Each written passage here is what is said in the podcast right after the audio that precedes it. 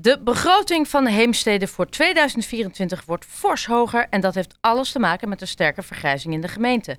Heemstede krijgt veel meer geld van het Rijk en hoe prettig dat ook klinkt, ze houden er niets aan over. Hoe dat kan, bespreek ik met Ariane de Wit, verantwoordelijk wethouder van Heemstede. Goedemiddag. Goedemiddag. Uh, ja, Heemstede vergrijst het meest van de regio. Aan wat voor aantallen en percentage moet ik dan denken? Ja, nou dit, dit is een, uh, een onderzoek dat gedaan is en dat heet het regiobeeld Kennemerland plus, Heemst, uh, plus Haarlemmermeer. En daaruit zie je dat het vergrijzingspercentages in Bloemendaal en Heemstede het hoogste liggen. En dan kijk je gewoon naar het aantal 70-plussers dat je hebt in je gemeente ten opzichte van het aantal 20 tot 69-jarigen. En dan zitten wij al op 40 procent. Nou ja, en dan kan je dus zien dat we daar van daaruit heel erg gaan vergrijzen. Dat 40 procent uh, van je mensen tussen de 20 en, en 100, zeg maar, al okay. zo oud is. Ja, en want in 2023 kregen jullie ongeveer 73,6 miljoen euro van het Rijk. In 2024 krijgen jullie 82,8 miljoen. Dat zijn beide flinke bedragen.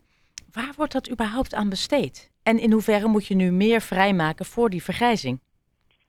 Ja, dan moet ik je even kleine correctie. Als wij zoveel geld zouden krijgen van het Rijk, zouden wij heel gelukkig zijn. Ik ook. Maar het is slechts de helft. Nee. Uh, oh, dit, ja, ja, dit zijn de bedragen die ik had gevonden.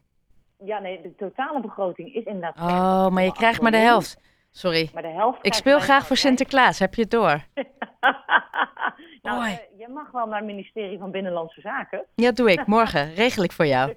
Ja, er komt een nieuwe vacature. Dus, uh, nee, dus wat je ziet is dat wij wel meer geld krijgen van het Rijk. Dus de algemene uitkering neemt wel toe van 40 miljoen naar 44 miljoen. Ja. Uh, en de overige inkomsten die uh, halen wij op door middel van onroerend zaakbelasting, andere heffingen. Ja, want die gaat wel omhoog. Ja, nu snap ik ook waarom die omhoog gaat. Jij moet 40 miljoen lappen. Juist, juist. Nou ja, ongeveer, ja. Ongeveer, maar, om en nabij, hè? Ik ben beter met ja, woorden ja, dan met cijfers, maar dat had je inmiddels door. Um, ja. Waar, maar, uh, nou ja, en waar geven we dat dan aan? Ja. een heel groot gedeelte gaat wel inderdaad naar het sociaal domein. Dus van de 82 miljoen gaat 28 miljoen naar het sociaal domein. Ja, en wat zit daarin? Dat is natuurlijk een heel breed uh, spectrum. En daar krijgen we alleen maar meer taken vanuit het Rijk. maar een van de belangrijkste is bijvoorbeeld werk en inkomen. Daar zitten alle um, uitkeringen die we betalen. Ja. Gezondheid zit daaronder, gezondheidszorg. Passende ondersteuning, zoals WMO. Help, help me even, wat, wat moet ik uh, waar moet ik aan denken bij gezondheidszorg? Um, Want dat is heel breed, zeker als je een oudere bevolking hebt. Ja, wij zijn natuurlijk, kijk, wij betalen niet de huisartsenzorg. Nee. Maar wij zijn wel uh, verantwoordelijk voor uh, bijvoorbeeld de jeugdgezondheidszorg, mentale gezondheid. Ja. Dat zijn natuurlijk allemaal onderdelen die wel door de gemeente betaald moeten gaan worden. En ook mentale gezondheidszorg, daar is sinds corona ook veel meer budget voor nodig, ja. volgens mij.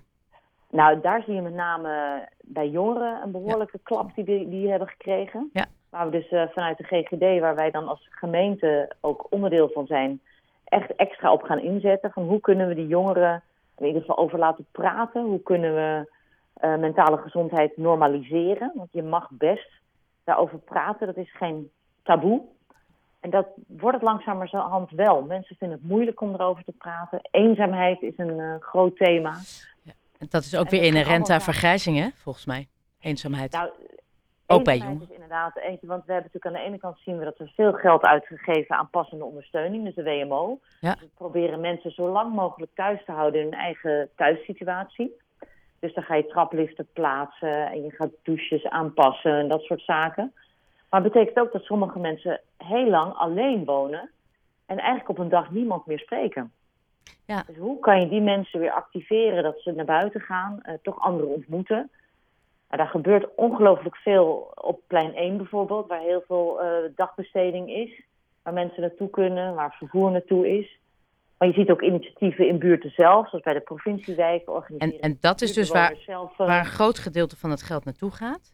Wat zijn andere speerpunten die jullie uh, gebudgeteerd hebben waar jullie uh, goed op inzetten? Nou ja, wat we heel belangrijk vinden is, Heemstede is natuurlijk een prachtig dorp met een heel hoog voorzieningenniveau. Dus dat willen we in ieder geval op peil houden. Dus dat is een hele belangrijke. Maar daarnaast willen we ook blijven investeren in de toekomst. Dus dan moet je gaan nadenken over een klimaatbestendig dorp worden. Hoe gaan we dat doen met warmtetransitie, opwekken van zonne-energie? Ehm, we willen ook aandacht besteden aan veilig wonen, werken en leven. Dus hoe kunnen we onze woonopgave invulling geven? Uh, gaan we inbreiden in locaties of gaan we extra locaties bebouwen? En dan hebben we het ook nog. En er komt natuurlijk ook nog opvang bij. Zeker, ja, dat is een hele belangrijke. Omdat die taak, die krijg je ook iedere keer maar extra.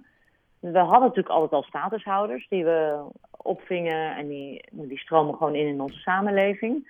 Toen kwamen natuurlijk ineens de Oekraïners, uh, de vluchtelingen, die we moesten opvangen. En nu hebben we natuurlijk ook nog een taakstelling op asiel. Ja. Dus dat, uh, ja, en dat is echt voor een gemeente als Heemstede, met negen vierkante kilometer, een behoorlijk pittige opdracht om dat op een goede manier uit te voeren. Hoeveel hebben jullie daarvoor begroot? Dat is een, een goede vraag. Dat is natuurlijk een hele lastig, omdat heel veel van de uh, opvang ook weer vergoed wordt vanuit het Rijk. Dus maar niet alles. Om. Nou, eigenlijk als je kijkt naar echte opvang Oekraïners en asiel, dan kost dat je als gemeente geen geld. Als je kijkt naar statushouders, dat worden natuurlijk gewoon echt inwoners. En daar hangt het vanaf hoe snel kunnen die integreren en kunnen die hun eigen inkomen verdienen. En rollen ze daarmee van, je, uh, van onze begroting af. Ja, ja, want dat, wat zijn financiële knelpunten? Waar maak je je zorgen over? Dat je bijvoorbeeld dat jullie iets hebben begroot waarvan je denkt: ik weet niet of het haalbaar is. Ik weet niet of we het daarmee gaan redden. Nou wat, wat, voor ons natuurlijk een hele belangrijke is op dit moment, is dat wij het integraal huisvestingsplan uh, uh, hebben klaarstaan. Dus we gaan de scholen, de basisscholen in Heemstede aanpassen. Zodat het allemaal frisse scholen worden en kinderen in een gezonde leefomgeving uh, les krijgen. Maar dat vraagt natuurlijk heel veel, want dat betekent dat sommige scholen afgebroken worden en opnieuw gebouwd. Andere moeten worden verbouwd. Dus daar zit echt wel een behoorlijke investering. En we zien op dit moment de rente stijgen. Dus dat betekent dat je kapitaallasten gaan toenemen. Je moet geld gaan lenen voor een hoger bedrag. Ja, en dit is ook wel het moment dat alle materialen en alle mankrachten in prijs zijn gestegen. Zeker, die inflatie werkt ons ook niet uh, mee. Ja. Daar hebben we natuurlijk de afgelopen jaren wel van kunnen profiteren. Maar uh, nu is alles ongelooflijk duur aan het worden. En dat zie je inderdaad terug in inderdaad dat soort investeringen. Maar ook investeringen in wegen. We willen wegen afwaarderen naar 30 km per uur. Dat kost heel veel geld. Maar ook het gewone onderhoud wat je hebt aan wegen, aan bruggen, aan beschoeiingen. Alles wordt veel duurder. Ja. Nou, ik zie, ik zie dat jullie best makkelijk geld uitgeven. Uh, dus dat is maar allemaal mooi gebudgeteerd. Hoe zorg je ervoor dat die begroting dan sluitend is? Jullie, gaan, jullie moeten op een paar punten bezuinigen. We hadden het er net al over, de OZB-waarde wordt verhoogd, de belasting. Op welke punten gaan jullie bezuinigen? Nou ja, we hebben dus in eerste instantie een, een, korte slag gemaakt over wat zijn punten waar we, zonder dat we onze doelstellingen in, in, de, in de war zitten of in de weg zitten, kunnen we toch bezuinigingen doorvoeren. Dat waren er niet zoveel. Dat leverde ons eigenlijk maar 200.000 euro aan bezuinigingen op. Wat we wel met de Raad hebben afgesproken is dat wij in het voorjaar van 24 met een wat groter plan gaan komen van wat zijn nou de verschillende bouwstenen waar je aan kan gaan draaien om echt geld ja, te bezuinigen en ook om die afweging te maken. Wil je dat wel? Want eigenlijk is bezuinigen, dat doet altijd zeer. Ja, de bibliotheek wil je niet sluiten, de kinderboerderij wil je niet sluiten. Natuurlijk, maar als ik, als ik e-, even hoor wat jullie allemaal hebben gebudgeteerd en wat jullie allemaal willen realiseren, dan moet je toch ergens moet je een streep doorheen gaan zetten. Hoe vervelend dat ook is. Dat kan, of je kan gaan kijken, kan je toch je inkomstenkant verhogen?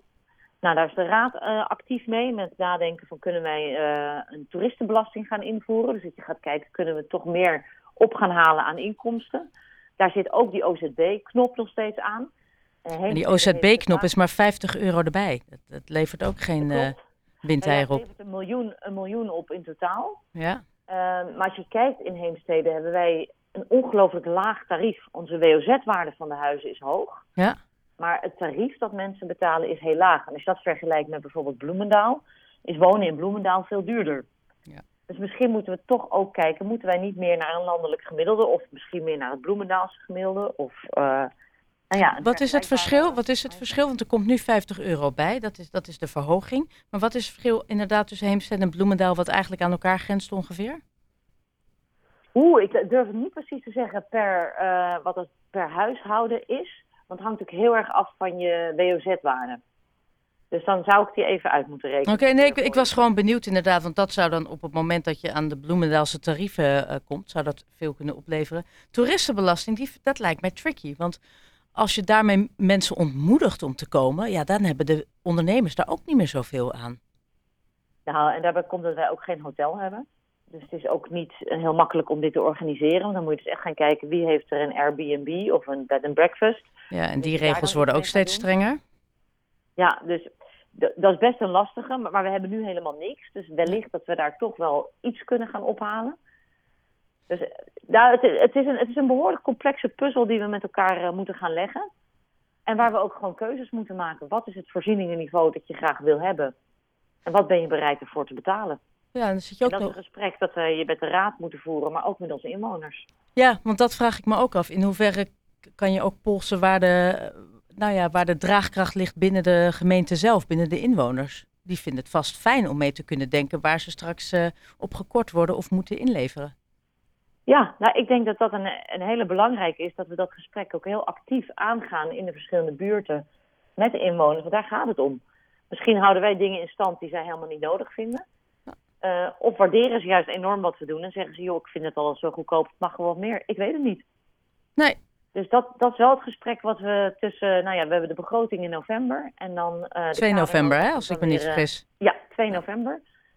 En dan hebben we de kadernota in uh, juni, juli van 24. Dus in die tussenliggende periode zullen we dat gesprek met de raad en inwoners moeten gaan voeren. Ontzettend leuk. Ik ben graag aanwezig. Nou, je bent van harte uit. Nou, ik, ik vind soms dat, dat we als we wat meer met elkaar praten, dat, dat mensen ook veel meer openstaan voor de beslissingen die een gemeenteraad neemt. Omdat ze ook weinig keuze hebben om beslissingen zoals deze te nemen. Ja, ja en soms is het ook goed om op te halen bij mensen. Wat, wat heb jij nodig? En ja, soms dan ga je met je bestuurlijke blik, bepaal je dat voor anderen. Maar dat, daar moet je echt van, uh, van wegblijven. Mag ik dan een persoonlijke vraag stellen? Heb je soms het gevoel dat er toch een gat is tussen wat de politiek denkt dat de inwoner wil en wat de inwoner daadwerkelijk wil?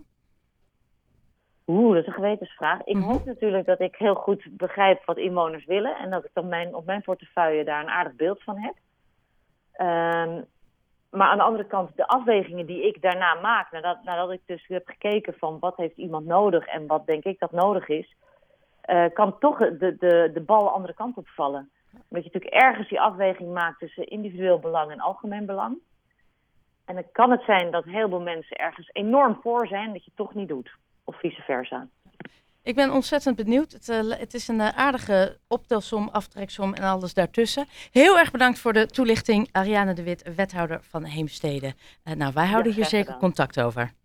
Is goed. Dankjewel. Tot ziens.